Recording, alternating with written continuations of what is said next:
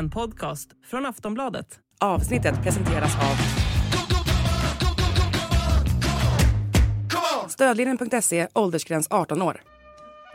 In the supermarket, you have eggs class 1, class 2, class 3.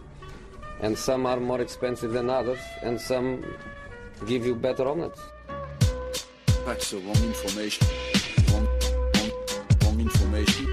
I didn't say that. Mycket varmt välkomna ska ni vara till Sillypodden denna torsdag i november, den sista torsdagen i november. Snön eh, flyger omkring utomhus, det börjar bli kallt, det börjar eh, sättas upp julgranar här och där också. Och eh, ja, Silly-fönstret börjar väl ändå hetta till lite här för nu är ju januarifönstret, det närmar sig. Eh, och då börjar det intensifieras då med lite rykten, men eh, först ska vi gå in på lite om det som har hänt i eh, veckans Champions League-spel, vilket kanske kopplas ihop lite med vad som kommer hända i januari också. Eh, Makoto Asari heter jag, med mig har jag Emilio Valdes Bari och dessutom tillbaka eh, i Sillypodden Babylona Kosravi. Välkommen tillbaka! Tack. Hur står det till med dig efter eh, Joao Marios hattrick igår? Alltså jag tror inte någon vill veta hur många svordomar på hur många olika språk det flög i vårt hushåll igår. För att Joao Mario som har varit en sån otrolig flopp i Inter gör tre mål mot Inter. Alltså det finns ju inte. Och det var ju sådana bedrövliga mål också. Försvaret, vad gör de? Är Joao helt- Mario på riktigt. Jag hade helt missat att Emi Audero tillhörde, hade gått till Inter. Han, han kom ju i somras. Ja, eh, med tanke på att eh, statyn Handanovic äntligen lämnade så. Eh, det var ju väldigt roterat Inter ska jag ändå sägas. Det var ju, alltså det här var ju Det var åtta av elva spelare. Det här kan väl ha varit de liksom, två mest betydelselösa omgång fem matcherna någonsin i ett CL-gruppspel eftersom att både Inter och Real Sociedad vet om att vad de än gör kan de inte säkra en gruppseger. Vad de än gör måste de göra resultat i returen då, eh, eller sista omgången då när de möter varandra. Eh, båda är ju vidare till nästa omgång. Eh, men det har vi avverkat den gruppen. Eh, men det fanns ju annat som hände också under eh, den här Champions League-veckan och vi börjar väl med den stora elefanten i rummet, det vill säga Manchester United. De hade 3-1, tappar till 3-3 borta i Istanbul mot Galatasaray. André Onana, på tal om intermålvakter vi minns, som tappade in både den ena och den andra bollen. United så gott som borta från att kunna avancera. Eh, hur stor flopp är det här skulle vi säga? Oj, det, det känns som att man aldrig riktigt vet vad man har United just när man tycker sig tro att det, fin, att det kommer gå lite uppåt. Eh, man städar av Everton, Garnacho gör drömmål. Man börjar matchen mot Galatasaray väldigt bra. Eh, Garnacho igen, Bruno Fernandes med en liksom drömträff. Men så hamnar man där man alltid hamnar och det är väl kanske där, därför United ofta avhandlas här i Sillypodden. De ger ju alltid en anledning känns det som. Men jo, det är klart att det är en, är en flopp eh, med tanke på de andra två lagen i gruppen som man egentligen ska vara bättre än. FC Köpenhamn och Galatasaray. Ja, FCK löste ju dessutom ett poäng borta mot Bayern München samtidigt och har ju kopplat grepp då om det här avancemanget, vilket är sanslöst i sig. Eh, Babylona, hur, hur mycket lider man med att se André Onana när han ändå Alltså han har ju faktiskt varit på väg åt rätt håll, gör en supermatch mot Everton. En målvakt i alla fall jag gillar väldigt mycket och hoppas att det ska gå bättre för än vad det gör. Eh, man lider och se när, eh, när han på något sätt hamnar på ruta ett här igen. Alltså det gör ju nästan fysiskt ont att se vad det är för typ av mål han släpper in för att det är otroliga, alltså det är sådana tabbar. Det är ju, det är ju hemskt. Uh, sen börjar ju frågan väckas, så här, vilken är den riktiga Onana? För att i Ajax såg vi att han kunde ju göra ett par sådana här per säsong. Men då var det utspritt över säsongen. Nu kan du få ett par per match.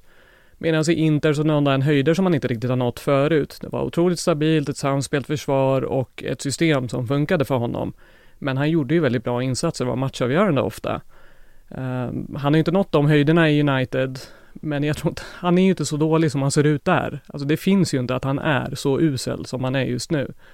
Men eh, jag vet liksom inte vad som krävs där. Det är en exorcism, det är en psykolog, någonting krävs ju för att okej att du saknar ett mittfält som filtrerar, det finns ingenting där framför honom. Försvaret, ja men kan någon förklara för mig hur United spelar försvar?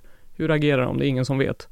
Inte ens mittbackarna uppenbarligen med tanke på hur de rör sig. Och då har ändå Maguire faktiskt varit bra. Ja, Alltså det är och det kanske också är ett av eh, tecknen på att det, det är inte ett bra United om det är Maguire som är din bästa mittback just nu.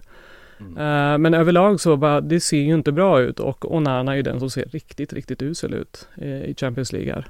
Alltså mot Everton så hade han ju ändå uh, unge Kobe Maino framför sig som jag var lite förvånad över inte fick chansen igen från start med Ja. tanke på hur uh, extremt bra han var på Goodison Park. Verkligen. Eh, någon spelare som ändå United har väntat på länge ska bli skadefri, så han får komma in och han har ju vissa av de här alltså, temposättande, alltså metronomiska egenskaperna som väldigt få United-mittfältare har. Som, ja, Sofian Amrabat har inte kunnat visa dem som man kanske gjorde på ett sätt i Fiorentina och i marockanska landslaget. Eh, Maino skulle kunna vara den spelaren. Och där känns det som att där gav ju en trygghet i Onana också. Nu Mm. hjälper det ju inte vilka mittfältare du har framför dig om du tvålar in frisparkar eller inte i eget mål. Eh, Men, men ändå underligt att se på något sätt hur de eh, kollapsar i det här läget. Eh, Och det kan ju ställa till det inför januarifönstret att man inte har en åttondelsfinal i Champions League att blicka fram emot. För det är ju så att United vill göra en hel del i januari. Eh, trovärdiga uppgifter från The Guardian som eh, rapporterar att det är en hektisk januarimånad som väntar. Fyra spelare ska in. Mittback, defensiv mittfältare, central mittfältare och forward är det som står på önskelistan. Oj. Oj, ja. eh, någonting du reagerar direkt på där? De behövs ju allihop, definitivt. Det sjuka är ju att man sitter ju varje, varje transferfönster och tänker så här, men nu har de ändå värvat in ett gäng spelare. Och så sitter man nästa transferfönster och bara, det saknas fortfarande en pålitlig anfallare, det saknas fortfarande den här mittfältet som ute i laget. Och mittbacken som är given. Eh, Så att det här är ju verkligen så att det är, det är måndag hela veckan vad gäller United och deras transferfönster. Men en forward behövs ju absolut om Höjlund inte kan börja leverera nu. Ja, så han har ju varit något av en Champions League merchant hittills liksom. Han har inte gjort Ja. mål i Premier League, men nu gjorde han ju inte mål här senast heller i och för sig. Men han är också, det är en ung spelare så att han kommer ju behöva den här tiden och vänjas in och så men någon skulle ju behöva komma in där. Men samtidigt så tittar man också då på mittfältet och tänker ja, där behövs ju definitivt någon också. Och där mittfältet har du ändå värvat in Mason Mount, Sofian Amrabat och så vidare. Och Amrabat verkar ju Ten Hag redan ha tappat för, alltså förtroendet för. Eh, Det snackas ju om att han redan nu inte ingår i, i planerna på sikt, vilket är helt sanslöst också egentligen kan jag tycka. Jag skulle behöva påbörja en diskussion om Ten Hags, eh, alltså hur han hanterar sina spelare. För nu är det ju flera spelare som han själv har velat ha in som inte har funkat med honom, hur han då verkar skriva av dem ganska snabbt. Ja, vissa har ju också fått chansen väldigt länge. Mm. Eh, såg jag Antoni starta här senast till exempel. Ja, och det Eh, förstår väl ingen. Han kostar ju en slant också. Så det finns gjorde Sancho också i och för sig. Eh, det gjorde han, men det var inte Ten Hag som värvade in Sancho. Det är sant. Det, var, det, har vi, det har vi märkt med all tydlighet. Eh, men om man tar de här namnen som då kopplas in, jag vet inte om det här är rätt väg att gå egentligen, men det är väldigt mycket snack kring några ynglingar från Benfica, dyra ynglingar från Benfica. Vi pratar om Antonio Silva i försvaret, vi pratar om Joao Neves i eh, mittfältet. Att Han är fin. Ja, värva Joaos är ju inne också dessutom. Eh, inte åsyftande just Mario utan kanske andra Joaos eh, som, som vi kommer in på lite senare också i, i det här programmet. Men jag, jag tycker de behöver mer liksom erfarenhet egentligen. Alltså att ja absolut du kan värva de här spelarna, men om man tittar på, på en forwardposition, du vill ha en erfaren forward som du kan alternera med Höjlund. För du har lagt väldigt mycket pengar på Höjlund. Då vill du ha någon som liksom han kan alternera med snarare än någon som bara tar hans plats och liksom har samma profil. Eh, mittfältet, absolut att du kan få in lite yngre förmågor där. Försvaret, ja.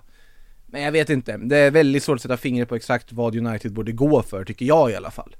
Um, snackas ju också på mittbackspositionen om Jean-Claire Todibo eh, som har gjort det väldigt bra i Nice. Det pratas om Edmond Tapsoba som har gjort det väldigt bra i Bayer Leverkusen. Och på topp då pratas det nu om Timo Werner igen, för han har inte gått så bra i Leipzig. Är, är Ralf Rangnick tillbaks? Det är det man undrar. Om Werner kopplas till United. Ja, nej men det är ju, man har ju satt sig i en knepig position United. Jag vet liksom inte riktigt. Det är ingen jättebra PR som de gör för för andra spelare ute i, ute i Europa när de ska leta en ny klubb. Uh, och då hamnar, väl, hamnar man väl på de här spelarna som är lite liksom skadat gods. En Timo Werner som inte alls lyckats i, i Premier League tidigare. Återvänt och ja, får väl kanske en livlina när han ska till United. Han behöver den, klubben behöver den. Eh, sen vet jag inte om det är den typen av spelare som man behöver på lång sikt. Eh, det tror inte jag. Eh, sen visst, man kan ta in unga spelare, Todibo, jätte, liksom otrolig potential. Mm. Eh, Hur gammal är Todibo nu? Han har väl hunnit bli 23-24 någonting va? Ja, han var väl jätteung när han kom till Barcelona en gång i tiden. Eh, klarade väl inte pressen där, eh, har gått jättebra i Nice.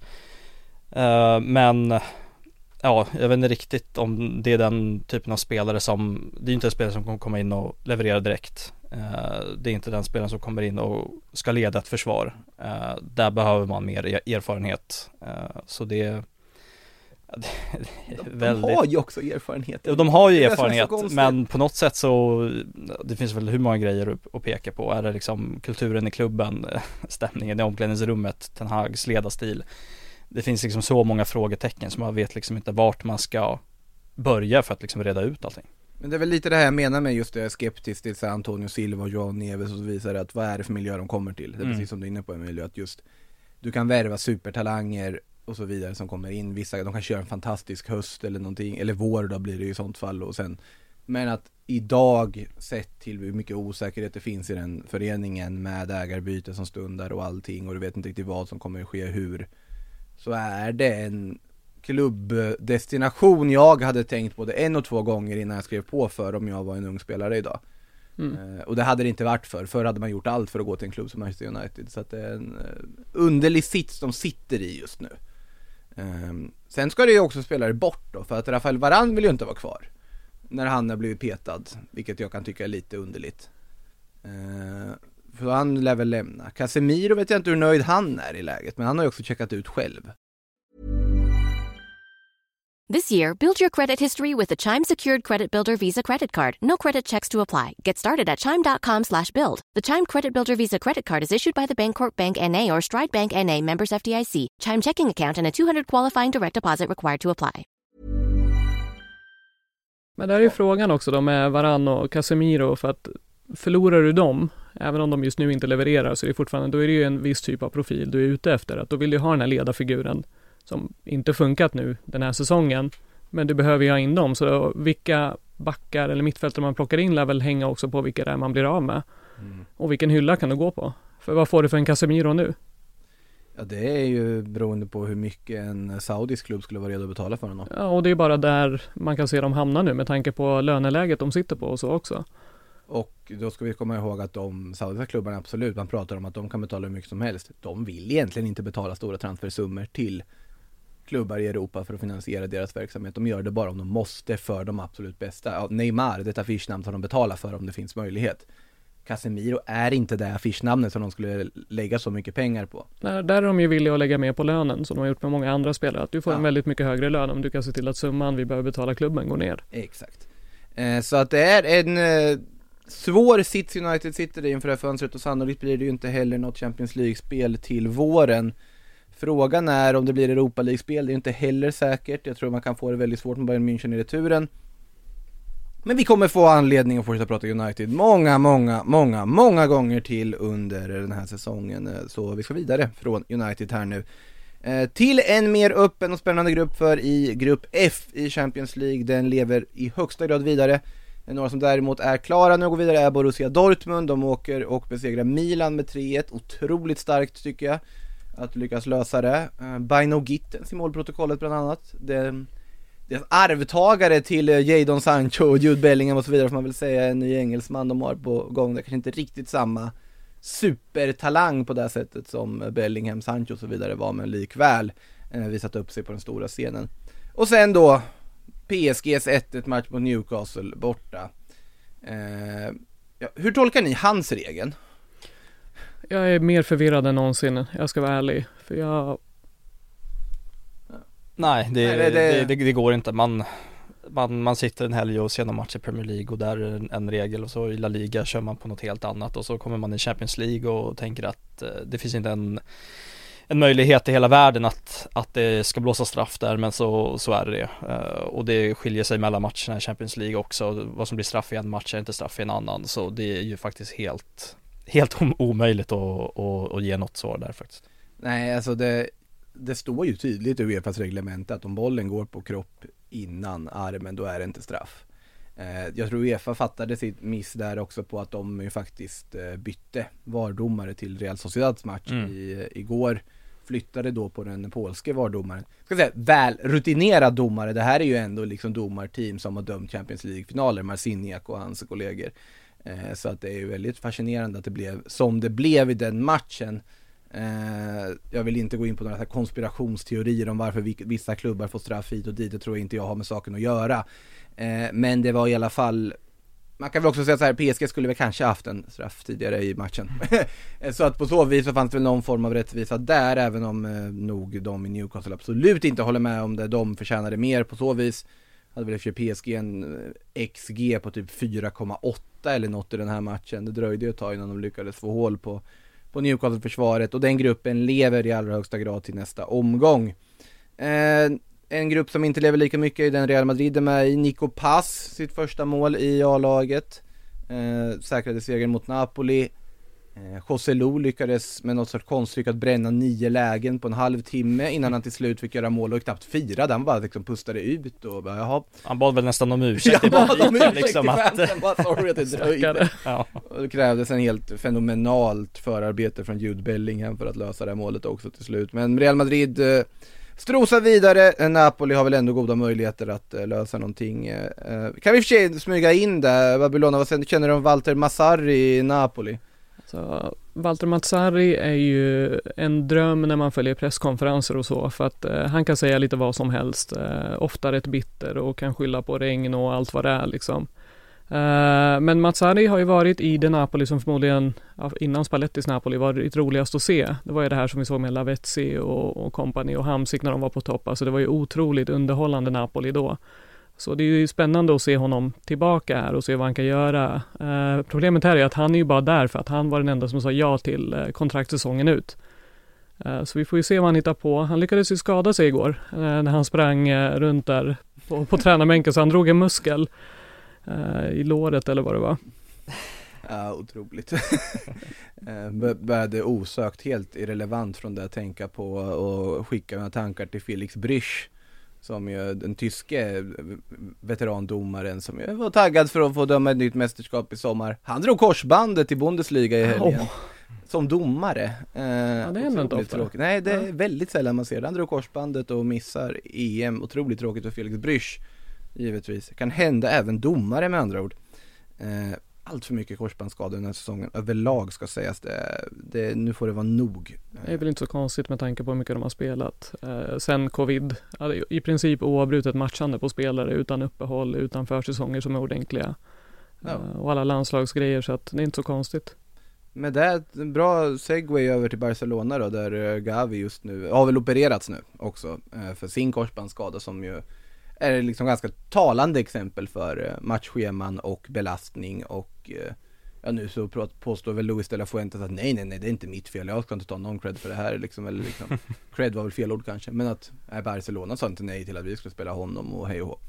Eh, Men Barca mår ändå ganska bra här och nu får man väl säga i och med att de har riktigt löser den här ödesmatchen mot Porto. Eh, Joao Joao i protokollet Emilio, vad eh, det behövde de, Xavi. Han var lite pressad innan. Ja, pressat läge och man eh, sitter väl fortfarande och liksom kallsvettas över det här liksom gruppspel i Champions League efter de två senaste årens misslyckande. Eh, det går väl liksom kalla kårar längs ryggen på Xavi när han hör liksom Europa League-hymnen. Eh, och Du, du, du, du, du. Precis, och det var väl en otrolig lättnad att eh, man eh, faktiskt kunde ja, säkra avancemanget. Och man var ju pressad när man släpper in första målet, men eh, som du säger, Jao gånger två eh, levererar, kanske framförallt Jao Cancelo som, ja men typ för första gången i Barca i alla fall fick chansen där på, som vänsterback. Eh, just för att, ja men kunna samarbeta med, med sin landsman och det funkade ju väldigt, väldigt bra den här gången. Han skapade ju mer än många av andra yttrarna i Barca har gjort den här säsongen. Offensivt då pratar vi. Ja, verkligen, verkligen. Och det kommer ju rapporter nu om att eh, man såklart är väldigt mån om att eh, ja, men få behålla honom efter att det här lånet går ut eh, från Manchester City. Eh, han sitter ju på ett kontrakt till 2027. sägs kosta runt 25 miljoner euro. Det- är förvånansvärt billigt. Det Jag känns tycker också det, med tanke på billigt. kvaliteten. Och kontraktet. Verkligen. Eh, City är väl ganska måna också om att få bort honom. Det verkar ju ha liksom skurit sig totalt med, med Pep. Eh, samtidigt lär det väl finnas, det är väl inte många klubbar i Europa som tackar nej till en Jao Cancelo. eh, med tanke på hans nivå. Real Madrid tackade nej till Joao Cancelo eh, utan högerbackar. Ja, ja det, Annars där är Carvajal självskriven. Eh, men eh, nej, man kommer väl göra så mycket man kan i sommar för att, eh, för att få behålla honom. Uh, jag Felix är väl lite svårare, där snackar vi väl upp en summa, ja, 80 miljoner euro sägs det. Oj. Uh, Atletico Madrid kommer ju inte att släppa, släppa honom billigt. Jag tycker inte Barca, alltså i och med den prisbilden och att Joao inte har varit, alltså han har ju varit bra, han har inte varit en flopp på något sätt, men han har inte varit en sån här braksuccé. Felix då? Ja Felix, Ja, Felix, nej. Felix, ja. En spelare väldigt bra de första matcherna. Eh, Precis. Och sen liksom, ja men åkte in och ut ur startelvan. Uh, som säger inte haft så jättebra prestationer på sistone. De- De pengarna har ju inte Barcelona eller att lyckas lösa 80 miljoner, då finns det andra saker du kan lösa dem på. 25 miljoner euro för Joao Cancelo, alla andra klubbar, eh, toppklubbar hade ju sagt såld högt och sen bara plockat. Men eh, Barca har ju inte riktigt den marginalen att jobba med för att kunna göra det. Så vi, men de, på något sätt så måste de kunna skramla ihop de pengarna för att lösa honom, för det tycker jag man ska göra. Det blir väl löneposten ganska jobbig också för Barcelona. Ja, fast de spelar väl, de är typ volontärer nu, för, alltså här och nu, Cancelo och Joao Ja. De, det är inte mycket lön de, de drar. För de vill spela för klubben, det är ju det som är, Ja, men jag tänker en säsong, men vill han göra det fyra, fem med en så pass mycket lägre lön är ju frågan. Nej det är ju det men då kanske de hinner få bort lite andra och sen lägga in någon klausul så att det ökas. Det har de gjort med andra spelare förr, Mm. eh, så att säga. Men eh, ja, Barca i alla fall vidare nu då, eh, till nästa runda och det är nog väldigt bra för Xavi. Man var lite, lite orolig för de här uppgifterna som kommer att de ska inviga en ny inmarschhymn till helgen. De ska moderniseras något. Ja, man, det är en stor match som väntar mot eh, Atletico Madrid. Där man också har kniven mot strupen. Eh, förlorar man den eller inte lyckas vinna då är det många poäng upp till Mm. till eh, de andra toppkonkurrenterna. Eh, men ja, det är någon, någon form av Cant del Barça med någon eh, ny musik, samma text. Men, eh, Men det är inte den här de slängde upp på sociala medier när de hade någon sorts stråkkvartett eller vad det var som körde den, för det är ju samma melodi. Jag, jag hade läst att det skulle vara samma text men en ny melodi. ja, så har jag också tolkat det. Uh, vilket stuk på den melodin det kommer vara, det, det vet jag inte. Eh, men den som sitter framför tvn 21.00 på söndag kommer ju få reda på det. Jag ser framför mig lite den här scenen från Sunderland till I Die när han då Eh, andra säsongen där när han är nya ägaren, något excentrisk eh, filur då kliver in på planen och ska liksom berätta om sina planer för hur han vill att Stadium of Light ska vara när de kommer in till premiären. Bara, I want a little more Ibiza here. eh, och det är ungefär så jag tänker mig att Juan Laporta lät när han gick in och tittade på, på Montjuic här inför. Äh, det blir jättespännande att få se faktiskt. Jag tycker den inmarschhymnen är otroligt eh, stark och bra och klassisk och jag förstår inte överhuvudtaget varför man skulle vilja byta ut den. Eh, men det gör jag. Eh, vi lämnar CL och med det, eh, eller inte helt och hållet för vi hade ju faktiskt en svensk, eh, flera svenskar men framförallt en tonårssvensk som var in action i Champions League igår.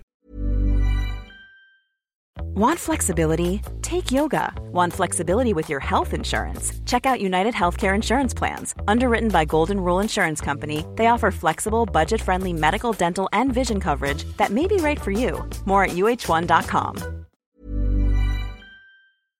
Roni Bardghji som eh, inte imponerade på Allianz Arena även om FCK som lag gjorde det när de löste en poäng. Eh, och det var väl lite synd för Roni med tanke på att det fanns ganska mycket scouter på plats. Bland annat ett gäng från Turin, eh, från Juventus, de är väldigt intresserade. Juntoli var väl där också tror jag, eller i alla fall har koll på Bardghji. Han har även kopplat samman med Inter på sista tiden, eh, som ska vara intresserade enligt eh, vissa italienska uppgifter. Eh, vad, vad är snacket i Italien, Amilona, om Roni Bardghji? Eh, Där har jag inte sett mer än att det är just att man tittar Mm. eh, och man utvärderar. Överlag verkar man ju börja titta mer på nordiska spelare för att det är en annan prisbild. Eh, Inter plockade bland annat in eh, Bisek från Mm. Danmark eh, som spelade igår. Inte jättebra. Nej, han var bättre i andra halvleken då, men det är man får ge honom det. Har du inte spelat någonting och så plötsligt ska spela en nykomponerad backlinje och, och lag så är det ju inte lätt Mot heller. Joao Mario. Mot Joao Mario, precis. Då, då är allt svårt. Eh, men, men man har ju börjat kolla mera så. Lukas Bergvall sägs ju också vara på tapeten för Inter bland annat. Att man scoutar honom och är nyfikna. Så att man tittar ju på allsvenskan, man tittar på danska ligan. Att, att man börjar få upp ett visst liksom, öga för de ligorna. För du kan inte plocka de här talangerna i Sydamerika längre. För nu är det ju, förutom PL, så är ju även Saudi och de här där och, och cashar direkt. Ja, det känns som att just liksom också i och med att scoutingverksamheten på den undre halvan i Premier League har blivit väldigt mycket bättre. Mm. Alltså nu ser vi ju Brighton som har någon sorts järngrepp och ekvadoriansk talangutveckling och plockar en- varenda ny människa som kommer därifrån. Titta på till exempel eh, Paes som har liksom 16-åringen som är debut i ekvadorianska landslaget. Han är redan klar för Chelsea. Mm. Titta på de nya brassarna som dyker upp. Nej, där är inte Inter och Milan någon mer. Det är Real Madrid och Barcelona. För de sitter också i ett läge där de kanske snarare blickar mot den marknaden för att plocka framtidsnamn än att göra det, eh, alltså värva etablerade spelare i Europa. Så att i och med att de andra också, storklubbarna, har vissa ekonomiska begränsningar och en helt annan transferstrategi så kan ju inte Inter gå och plocka Lautaro Martinez någon mer till exempel, eller den typen av spelare. Milan kan inte plocka nästa Alexander Pato, Nej. eller den formen av två helt olika karriärer kanske i sina respektive klubbar. Pato Nej, men, det var ju, men det var ju väldigt hypade Ja. unga spelare som man tog då Mm. eh, i tuff konkurrens. Men nu kommer det ju inte kunna för att den italienska klubben kommer behöva liksom dela upp den här betalningen. Även om det bara då är 25 Mm. miljoner euro eller vad det nu blir så har man inte den kapaciteten att bara slänga de pengarna på klubbarna i Sydamerika. Medan ett West Ham eller ett Brighton eller vilken annan klubb som helst bara kan göra det Mm. utan något större problem. Vilket ställer till det för dem då. Men det gör ju också att då kanske man scoutar bättre och kan hitta talangerna som finns i Norden och så också. Däremot blir steget rätt högt. Så, så det bästa egentligen, om man vill se Roni Bardghji i Serie A så måste man hoppas att han inte gör så mycket väsen av sig under kommande tiden. Så att, Ja. det är väl det. gö- gör han för många mål här framöver så kommer det ju komma någon PL-klubb på ja, men, lägre halvan och kunna plocka honom. PL-scouterna igår på Allianz Arena tänkte, men det, är han inte redo än? Är han inte redo? Juventus-scouten bara, han har vi chans på. han, han kan vi Juventus-scoutterna tittar ju mera på så här, hur kan vi bygga på honom? Mål igen. Nej, men det ligger mycket i det just. Och sen är det ju så att många svenskar som kommit till Serie A har gjort det väldigt bra. Och så Mm. titta på Emil Holm, eh, som jag tycker fortfarande är kraftigt undervärderad i, i svenska ögon, Mm. sett till vad han faktiskt har gjort för impact som wingback där. Isak Hien som kopplas till större klubbar efter, ja, blott en säsong i, i Hellas. Eh, Det finns ju många som har gjort det bra väl när de kommit dit. Pontus Almqvist i, i Lecce som är Mm. tillbaka nu också.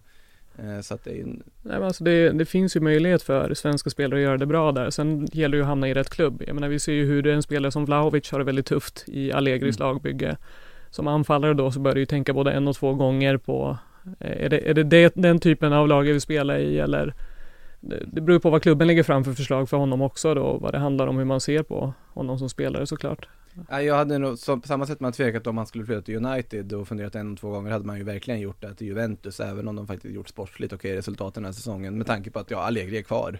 Ja men de gör det ju bra. Eh, alltså det, det kanske inte ser jättekul Mm. ut men poängen kommer in. De är äckligt stabila defensivt. Det är svårt att skapa något mot dem. Mm. Och eh, minst ett mål kommer de göra. Sen att du som offensiv spelare kanske inte tycker det är skitkul, vilket Kesa gjorde tydligt efter landslagssamlingen. Att säga, ja men det här är kul för här får jag faktiskt gå framåt. Uh, med ett litet hugg mot sin tränare i klubblaget då. Men att eh, jag förstår att det kanske kan vara frustrerande, men jag menar, så länge Allegri tar poäng, jag menar, de kommer ju vara med hela säsongen. De är ju en av favoriterna till scudetton. Det är en match i veckan, han kan sitta och bara tokplanera den och stänga ner alla motståndare. Det är ju det han gör, alltså på riktigt och som har gått väldigt bra hittills. Ja men det funkar ju. Med väldigt begränsat material som de ändå har, det, det får man ändå igenom.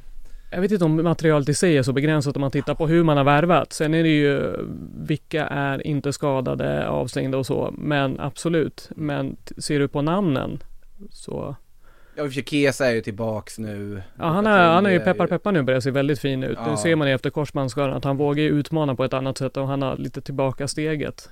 Danilo bli, har ju blivit något annat än man någonsin trodde han skulle bli. han, är, Verkligen. han är ju superstabil nu Ja. och det är helt sanslöst att säga det om Danilo som älgade runt där på högerkanter i, i Spanien och aldrig var på rätt plats vid rätt Allegri-effekten här. Ja, ot- alltså underverk han har gjort med Danilo som är en ledargestalt också på, på sätt med. Eh, det finns ju ett annat lag som har bra material som visade det i eh, Serie A förra säsongen. Det är ju Napoli som var inne på lite kortare förut. Eh, noterbart att eh, Mazzari har bänkat Victor Osimhen i början här. Eh, bara inhopp igår mot Madrid till exempel. Och samtidigt ryktas det ju en del kring Victor Osimhen. Eh, För Chelsea, de är inte jättenöjda med hur säsongen går, föga förvånande kanske efter förlusten mot Newcastle senast. Och eh, då enligt då The Telegraph så ska Prio, deras liksom drömnamn till vinterfönstret, hur de nu ska lösa de pengarna för det, är Victor Osimhen. Eh, Och han skulle vara öppen för en flytt till Chelsea också, sägs det. Kan det hända i januari? Jag har ju svårt att tro att de släpper honom i januari om det inte är för en hutlös summa pengar. För att då försätter det ju tränare och klubb i en väldigt tuff situation. För man vill ju ändå klara Champions League-plats. Ja fast han är ju fortfarande att de har ju valt Raspadori före honom nu, Mazzari. Eller Ja, är det bara det har- att det har ju varit- inte helt Det har ju varit lite... Victor Osimhen har ju haft privata angelägenheter Mm. i hemlandet som har spelat in i också i, i vad som har hänt på planen misstänker jag. Och det har varit också skriverier i italiensk press om att han och eh, president De Laurentiis inte riktigt eh, är överens om hur hans framtid ska se ut och så. Så det kan ju också vara en sån grej som spelar in. Eh, men Matsari är ju inte dum och Simen är bättre än Raspadori så kommer han in i de här mekanismerna som han vill ha. Man ska veta med Matsari också att han är, det är en dinosaurie. Du springer så som han vill att du gör, annars så sitter du på bänken. Alltså det handlar väldigt mycket om att eh, han har vissa saker ska ske i en viss sekvens. Så när yttern drar där, då går du som anfallare i den här ytan och gör du inte det här, lyssnar du inte, då sitter du på bänken. Så det kanske kan ta ett tag också tills de är överens om när man gör vad. Och just det är väl det som får mig ändå att tänka att han skulle kunna fundera på att Jag tror definitivt att Osimhen är sugen på att gå. Han har ju Mm. varit tydlig förut också med att han gärna skulle vilja spela PL. Eh, Men jag vet inte om eh, man släpper honom i januari. Och framförallt då har Chelsea pengarna för att betala det som lär krävas för att han ska dra i januari. Jag tror inte De Laurentiis är okej med en avbetalning på nio år så att den eh, Alltså, De Laurentiis skulle i och för sig kunna se sig själv vara kvar i Napoli nio år till. som president tänker du? Ja. Ja. Samla in pengarna. Nej, vem vet, nej, men det är sant, han vill ju nog ha cashen på bordet om, eh, om han ska släppa en spelare som han håller så högt som oss men eh, vad tror du Emilio?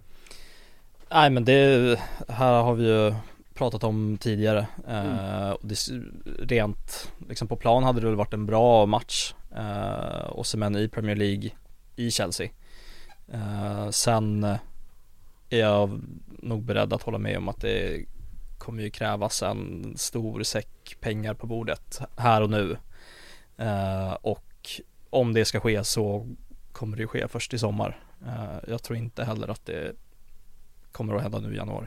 Jag förstår inte för allt i världen varför Chelsea inte bara gick all in på honom i somras. Nej det förstår inte jag heller för då tror jag att man hade varit redo att släppa ändå. Att, Ja. ja. men man har vunnit scudetton. Man gör en deal. Man gör en del liksom att säga, ja men nu, nu är vi färdiga liksom. Eh, Sen var det väl just 150 miljoner euro som avskräckte många men också det går ju att förhandla därifrån. ja. Fattar att Chelsea, kanske United också som man också frågar sig samma sak kring inte ville fastna i en sån följetong med De i, på sommaren, det förstår jag. Mm. Men eh, samtidigt, Nico Jackson det är ju bara en, alltså, det är en budgetlösning. Ja.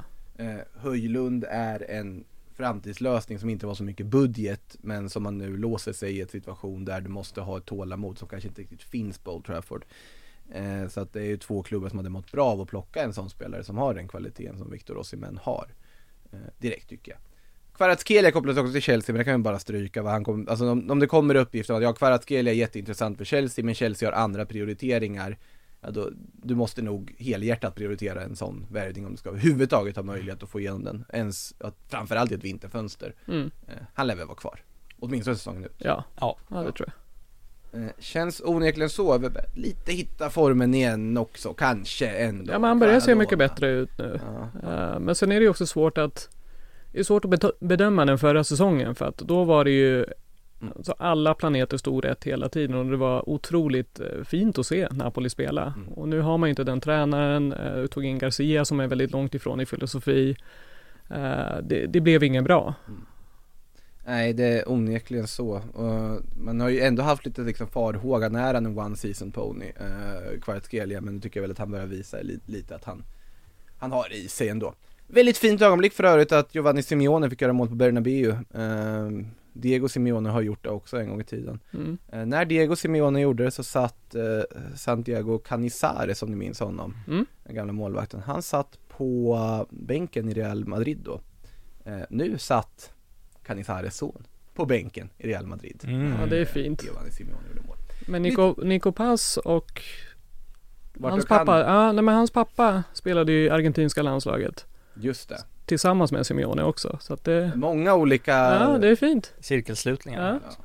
Kul för Nico Passo att få göra mål också. Han har ju hypat ganska mycket i Madrid-led men eh, fick ju chansen här till slut då. Han kanske får sällskap av en annan argentinare i Real Madrid eller nej det tror jag väl inte att han kommer få. Men det har ju faktiskt sensationellt nog dykt upp uppgifter kring Mauro Icardi och Real Madrid på sistone. Eh, Icardis agent eller ja Wandas advokat eller vad man ska kalla det. Eh, någon, någon eh, bubbe i entouraget där i alla fall hade ju gått ut här och sagt att ja men jag är i Madrid, vi ska prata med Real Madrid representanter eh, Inget på bordet än men såklart Madrid, eh, Madrid håller ju liksom noll intresse om, ja vi har fått erbjudande men nej tack är väl det som har rapporterats De, för, de hade försökte. De försökte, de, De försökte skicka honom till Real Madrid Ja, men de testar liksom. Varför inte? Ni behöver en nia, vi har en nia. Mm. Eh, det var ju lite det man kunde läsa ut också av hans kommentarer. Så, ja men vi är här i Madrid, så bara, ja, är det de som bara, nej men vi tänkte att vi... så, Testa nej. Vad tycker, vad tycker Galla om det? Alltså han är ju ändå liksom väldigt viktig för dem. Han har ju varit, verkligen varit strålande i Galatasaray. Det är ju därför det här överhuvudtaget finns på bordet, att de tänker någon sån här tanke. Ja men det är också så konstigt då, för att just för att han är så bra nu i Galatasaray, Mm. så bara, jag förstår inte att man gör den här, det här utspelet. För även om du pratar då med Florentino Perez, så kanske du jag ska... trodde de fick träffa Florentino Nej jag tror inte heller det. Jag, jag visste bara inte vem annars jag skulle säga. Men även om du pratar med någon från Real så känner jag inte att du behöver prata med pressen om det. Jag tycker man, nej men jag är bara här på sightseeing. Ja. Och sen så bara lyssna så här, finns det någon möjlighet eller? Eller så vill han lura in någon annan klubb och titta, jaha, Real Madrid vill ha honom, men då kanske det finns någonting här ändå och sen så eh, Ja, nej vem vet, men han trivs ju bra i Galla, det är bara liksom stanna, han är ju älskad av fansen där också Mm. Bara, Och de verkar ju ha möjlighet att gå vidare till nästa gång och jag tycker jag spelar väldigt bra fotboll också Alltså, Det är ju många fina spelare där. Om man tittar på namnen i, i truppen så är det ju väldigt många som man har haft som så här små favoriter ändå. Hakim Ziyech, Dries Mertens. Willy Zaha, vad heter det, Torreira, Ndombele Eh, Ja det är, det är ett otroligt liksom, hopkok av gamla profiler man minns Och som har varit hypade under en period och sen har det gått ned för Precis som för Icardi.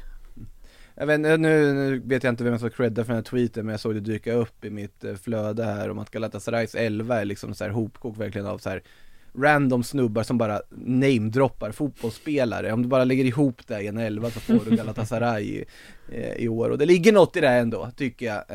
Uh, Muslera är kvar, det är i alla fall fint tycker jag. Han Mm. var inte bra heller mot Nej, United. det var ingen bra målvaktsmatch Nej, det där nej, alltså. det var svajigt eh, dessvärre. Men Muslera brukar ju bjuda på sånt. Jag tycker han brukar vara bra ändå alltså. Jag tycker han, eh, han har lite mer i sig Eh, Det är två målvakter jag gillar, det är det som jag tycker är så tråkigt Eh, Ja, de verkar ju sympatiska båda två. Det är Ja, därför det är trist. Ja.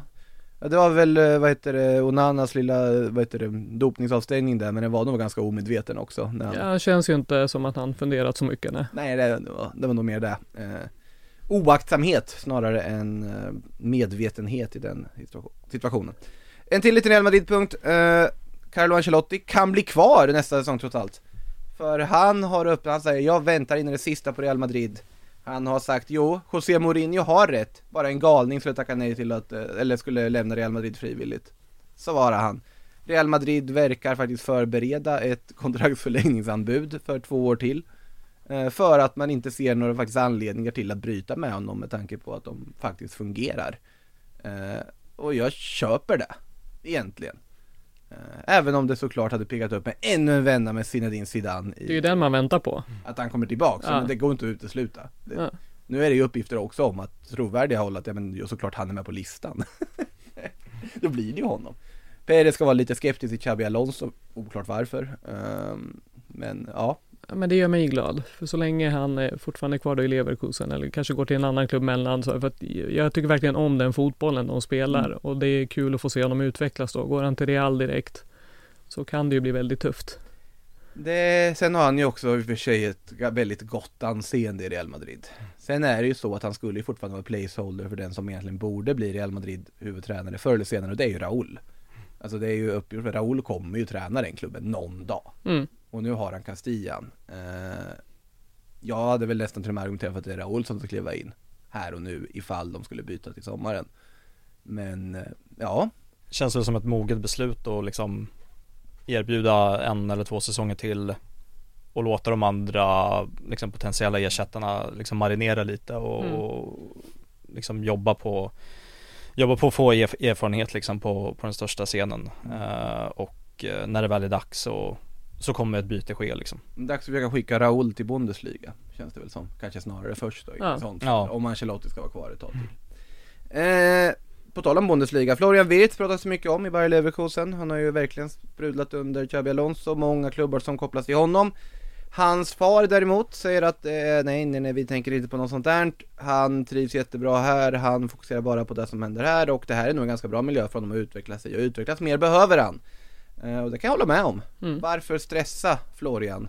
Och eh, Bayer Leverkusen själva verkar inte heller vara Ha så mycket stress att sälja honom så att eh, vi kan nog räkna Jag tror vi kan räkna bort honom från sommarfönstret, jag tror att han kommer fortsätta spela där För- Framförallt om de skulle gå hela vägen till en ligatitel och Champions League och allt att han vill köra en säsong till Verkligen, verkligen. Han eh, skadade väl sig allvarligt, fick väl en knäskada för eh, som gjorde att han Mm. eh, blev borta, ja men dry, drygt ett år. Och det var Mm. väl kanske det bästa som kunde hända Bayer Leverkusen. Eh, för, Ja de blev ju av med Florian Wirtz ett Jo, år jo. åkte ur också men det var ju Absolut, övrigt, men så. det var ju en del intressenter liksom eh, redan då.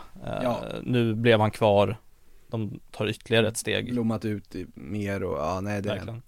På tal om Bayer Leverkusen så någon de däremot kommer bli av med i sommar, inte nu till januari utan i sommar då, verkar vara Jeremy Frimpong eh, Gjort supersuccé som ytterback där, men han har en klausul på 40 miljoner euro eh, Leverkusen själva har gått ut och sagt att de räknar med att han försvinner till sommaren och det lär ju finnas intressenter för den prislappen med den åldern, den kvaliteten och så vidare Anledning att komma in på honom här framöver i alla fall, får se vilka som kommer ha mest behov av en wingback till eh, sommarfönstret. Det finns några klubbar som kan tänkas vara där.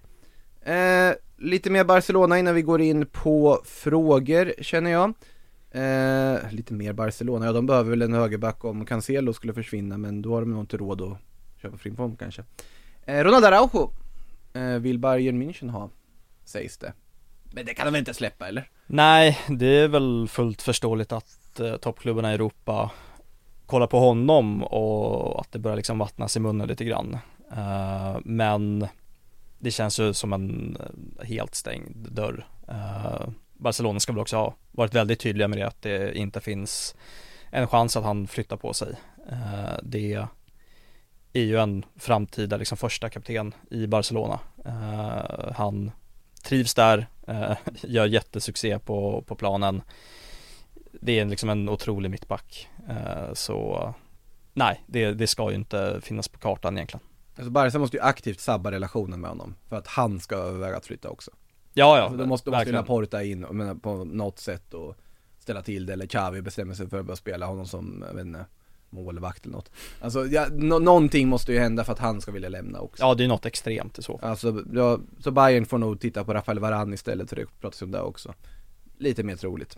Eh, frågan är, eh, och det här är någonting som är väldigt mycket in hindsight för det är ingenting vi behöver egentligen spekulera kring nu men det har ju dykt upp lite skojiga uppgifter i en bok om Pep Guardiola. Eh, där det avslöjas att Lionel Messi ville dra 2020 från Barcelona. Han var så inställd på att dra till Manchester City att han till och med då åkte hem till Guardiola, träffade honom i hans hem och pratade. Guardiola då med någon form av Barcelona-hjärta fortfarande sa ju, men tror du inte vi skulle tröttna på varann? Alltså, är inte är det verkligen det här du vill? Men du vet att vädret är katastrof i Manchester. Du vet att mina träningsscheman är tuffa, de är tuffare än vad de var förut, du vet hanterar du det där liksom? Mm. Messi ska dock ha varit, ja, nej men jag vill dit, jag vill, jag vill köra. Eh, Men de kom aldrig överens, det fanns inte på kartan i och med att han var för dyr helt enkelt. Eh, istället så hade Barcelona inte råd att eh, signa honom på nytt kontrakt ett år senare och han gick till PSG. Eh, hur mycket tror du ligger i det här? Kan det ha stämt? Alltså det var ju under Bartomeu-tiden ska vi komma ihåg. Mm. Ja, nej men det finns väl absolut eh, någon form av sanning i det där tror jag. Eh, Messi och Pep är väl en eh, Det är väl någon form av liksom match made in heaven. De är ju väldigt goda vänner fortfarande. Eh, jag tror definitivt att, att Messi var intresserad av att, av att testa Premier League eh, och är det något lag han skulle gå till så är det ett lag som tränas av Pep Guardiola. Eh, och eh, det hade ju varit väldigt, väldigt spännande att se. Ja, Agüero ska ha agerat någon form av liksom WhatsApp mellanhand när han hade frågat Pep. Men år hade du kvar på kontraktet? För Messi undrar. liksom, han hade funderat på att ta sig hit. Eh, men det blev ju inget av det.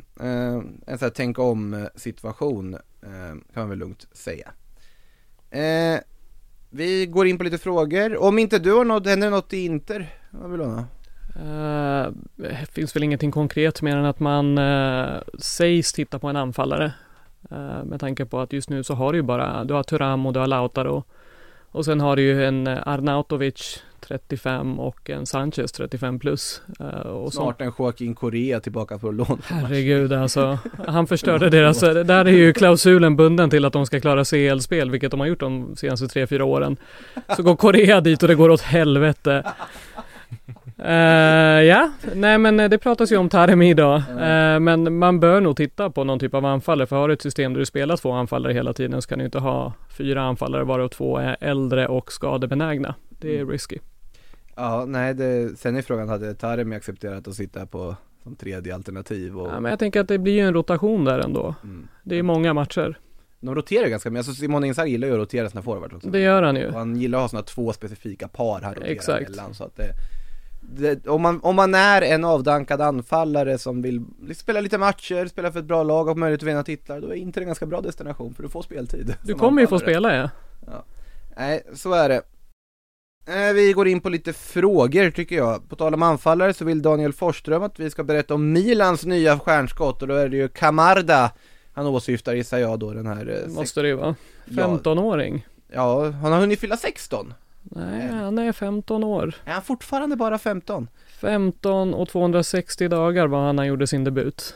Ja herregud ja, det var väl var det i U14 där eller något ungdomslag han hade snittat typ över fem mål per match Han har gjort 483 mål på 87 matcher här på ungdomssidan. Så det är ju uppenbarligen en jättetalang. Eh, så att det är ju det är helt sinnessjukt och det är väl en jättefin eh, ett fint erkännande av Pioli och klubben och ge honom och låta honom få spela i en match. Eh, dock såg man ju att fysiskt är han ju inte där. Han är ju valpig och det är inte så konstigt. Han är 15 år. Alltså det, det hade varit jätte, det hade varit en helt otrolig insats att komma in och visa att han hör hemma på den här nivån. Men det är väl klart att steget än så länge är lite för stort. Nej det, det blir väldigt spännande att följa den spelaren Ja men det är det här, alltså hans leende när publiken skriker ut hans namn. Alltså det, det är ju det, är det här som är fotboll. Att det här är ju en spelare som har vuxit upp i akademin, han har ju stått på läktaren själv. Och då en fullsatt arena som skriker ditt namn när du ska in och hur han liksom, den här lyckan. Så man hoppas ju att han blir kvar länge och kommer kunna leverera. Det är jag säker på att han kommer kunna göra framöver. Men som det är, ser ut nu så såg ju det fysiska spelet, han börjar bygga på sig lite. På tal om så här fina ögonblick måste vi bara lyfta, om ni inte har sett eh, Rodrigo Riquelme i Atletico Madrid när han får ta emot priset som matchens lirare i Champions League mot, eh, det var väl Feyenoord de mötte där ja. Eh, gör det. För det var väldigt, väldigt, väldigt fint. Eh, en ung atletifostrad spelare som då varit lite utlånad, gjorde succé i Girona förra säsongen, kom tillbaka, tagit en plats i laget. Spelade vänster wingback typ här då mot Feyenoord. Eh, Efter matchen då så kommer med den här liksom lilla bucklan man får som MVP i matchen med, som är Champions League-bollen. En ganska snygg liten buckla faktiskt. Och då trodde han inte det var sant, då driver men sluta driv med mig liksom så här, bara, seriöst. Och så ser man ju att det liksom, tårarna är väldigt nära på honom. Och då, man tänker, men vadå, det är väl lite en MVP-buckla du har fått på en match. Men han var ju såhär att om någon hade sagt att jag får vara MVP i en match för mitt atlet i Champions League någon gång, Det då hade jag Ja, och så började jag nästan liksom bryta ihop. Det var otroligt fint eh, att se den. Han har ju haft en väldigt lång väg, många lån och annat så och han har ju väl hunnit fylla typ 23 eller vad det är så att han har Mm. gått en ganska lång väg till Atletis A-lag. Väldigt fin eh, video. eh, från, finns på deras officiella eh, sociala medier. Eh, Mauri Zetterbom frågar, finns det någon ångerrätt på Onana Babylona? Köpt är köpt kompis. Så är det. Eh, Linus Norman frågar, kommer Lukaku att stanna i Roma eller ska han tillbaka till Chelsea igen? det hade ju varit något. Alltså har Roma råd med honom är ju frågan. Mm. För Chelsea kommer ju behöva få ändå en summa som är relativt hög för en spelare som då blir 32. Mm. Eh, ja, det är väl en 40 miljoner euro plus. Eller däromkring i alla fall. Fast det sjunker ju för varje säsong. Det gör ju det, men jag, jag tror att de, det pratades väl inför den här säsongen när han signade med Roma att det fanns någon typ av fastsatt summa som var nära 40 tror jag. Eh, vill man lägga den på Lukaku och eh, den lön och så, alltså det blir ju en kostnad då. då. Här har du ju inte, och det här är så tråkigt att prata om, men det har ingen resale value heller på den här spelaren om man inte eh, är okej okay med Saudi om ett par år. Det man måste ha lite i åtanke där är väl att se hur Tammy Abraham ser ut när han kommer tillbaka. Ja, Där finns någonting att ha i åtanke. Eh, Man måste ha i åtanke, hur ska man göra med Dybala? Eh, Är det en och spelare vem värd? coachar nästa år? En helt annan fråga också. Mourinho vill ju ta det brasilianska landslaget. Därför Mourinhos kontrakt går ju ut i sommar. Ja. Och han vill ju ta Brasilien. Ja. Men det är ju därför, det är ju bara därför som man gör en sån grej av att Ancelotti som Absolut. vara klar. Ja men han är en galning om han lämnar Real Madrid. Han vill ju ha det jobbet. Ja, men det är klart, det är- men det är klart han vill, han för vill han ha- är ju uppenbart trött på, på Roma nu. Ja det, är han. Det märker han man ju på attityden i presskonferenserna, Ja, hur han uttrycker sig och så. Han, han börjar göra sig omöjlig, vi har ju sett det här förut. Eh, så att där är ju frågan om vad som händer med coachen då. Eh, och sen Dybala har ju kontrakt med Roma, han är ju deras. Ja, Så men det är en också annan 12 sak. miljoner euro i utköpsklausul för utländska klubbar. Ja, Så att det är ju Ja, också men där får man ju se vad han levererar nu fram till sommaren för att han har ju också som alltid haft små skadeproblem. Det är ju en gudabenådad spelare när han är Mm. fit. Verkligen. Eh, Det kan ju också vara så att Mourinho faktiskt försökte använda lite omvänd psykologi, faktiskt få Ancelotti bort och gå till Brasilien för att sen ta Madrid-jobbet. För han ska inte heller utesluta så fort ett Madrid-jobb är ledigt. Florentino Fast Perez, tror vi verkligen det? Alltså Perez avgudar honom fortfarande. Det är så? Ja, ja, ja. Alltså det är skulle absolut inte utesluta att Perez skulle falla i en sån fälla. Eh, Det hade inte riktigt varit vad Madrid behöver kanske, men eh, man ska inte utesluta någonting. Eh, Noak frågar varför går det så dåligt för Lazio och varför får Daichi Kamada knappt någon speltid? Daichi Kamada har ju haft en väldigt tuff akklimatisering till Lazio, han trivs, verkar trivas jättebra. Eh, synd om han med tanke på att han var klar för typ 100 olika Serie A-klubbar innan det till slut blev Lazio. Han blev ju dissad av eh, Milan där när de hade lite problem med icke-EU-kvoten och gick för lite andra namn. Mm. Eh, det är synd om honom där faktiskt. Och Ja, men jag också, för jag gillar ju Kamada. Mm. Eh, jag kan liksom inte riktigt sätta fingret på varför det ser så dåligt ut för Lazio. För jag tänkte ju att den här säsongen blir deras säsong. För nu har ju Sarri varit där ett tag, han har fått sätta sitt spel, man har fått in kvalitet. Mm. Sen har han Immobile på nedgång. eh, Eh, av- mål. Ja, nej men alltså bara överlag, att sett till Ja. vad han brukar leverera så har han inte Mm. sett lika bra ut. Eh, bara får inte till det här Sarri-spelet som man har förväntat sig. Eh, överlag så är det väl ingen där som har levererat så som man har förväntat sig i år. Vad var det Immobile gjorde förra säsongen? Var att han krockade i en spårvagn? eller Ja, det var det. Något i det, det läget. Han körde in i en spårvagn. Ja, och sen, sen vart det inte så mycket mer den säsongen. Det var ju... Nej, och sen eh, ifrågasatt kring land, landslag och hela den biten. Eh, jag tyvärr har ingen bra svar på vad det är som har gått fel. För jag på riktigt trodde att ja, men i år är de med och utmanar i topp fyra ordentligt. Alltså om en Champions League-plats Mm. och så. Inte att de skulle utmana om scudetton för det tycker jag inte truppen är. Men att eh, Sarri nu när han har satt sitt spel. Men när de ändå fått CL också och har lite att bygga på. Men tror vi inte att det är kanske också det som är problemet? Att det är lite för tunn trupp Mm. för eh, Nej men för jag reagerade på där de värvade i somras att det var ganska blekt sett till vad de faktiskt har för ambitioner och vad de borde ha för ambitioner här och nu. Eh, alltså absolut, Tati Castellanos han var ju bra i Girona där men jag är liksom högst skeptisk till om den spelare som ska bära dem i två turneringar på det sättet. Eh, Sergej borta, Mm. ersätter honom med Kamada en helt annan typ av spelare. Ja men Sergej var ju också en ledarfigur. Förutom Ja. att det här fysiska spelet som han tillförde och tekniken Mm. så är det ju en, en ledare på planen på ett annat sätt eh, som du ska ersätta också. Ja, verkligen. Eh, Viktor undrar om man bortser från det finansiella perspektivet, vilken klubb är en optimal destination för oss i män med tanke på en spelstil? Alltså var passar han in bäst? Oj. Mm, det funderar jag också på. Eh, alltså, jag kan ju se honom funka väldigt bra i ett United. om, alltså som spjutspets och liksom med djupledsegenskapen. Men då måste ju United som lag fungera. Liverpool, Ja, Liverpool Mm. hade han kunnat vara fruktansvärt bra i tror jag. Ja, verkligen. Eh, om vi, nu bortser vi från alla former av finansiella och liksom Ja, rent sportsligt, ja. Rent sportligt tror jag Ja. också, men han har passat otroligt bra i Liverpool. Jag blir lite orolig när man pratar Chelsea och så för honom också. För det är lite samma känsla kring, eh, som Ja. det är kring United. Att eh, går det bra för någon? Alltså det finns ju en aspekt i Chelsea som man lätt glömmer bort och det är ju att deras stora offensiva värvning har inte debuterat än. Nej. Alltså Nkunku såg väldigt bra ut på försäsongen, hans samarbete med Nico Jackson såg väldigt bra ut. Han är på väg tillbaka och där har du ju någonting. Att det kanske kan lyfta deras säsong, vem vet?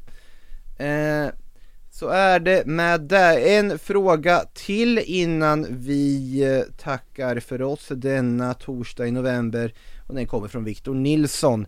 Eh, om ni inte redan spelat in Sillypodden, det hade vi inte, så har jag följande fråga. Hur fasen kan man göra så här med Ramsdale? Nu börjar man läsa transferrykten till höger och vänster och det är inte så vi vill ha det. Skicka Raja till skogs istället, skriver Viktor Nilsson. Han har bestämt sig, han vill ha Aaron Ramsdale i mål. Eh, jag förstår om Ramsdale vill dra. Jag, eh, vi har diskuterat den här frågan så många gånger i så många poddar. Ramsdale vs Raja och den är så fascinerande.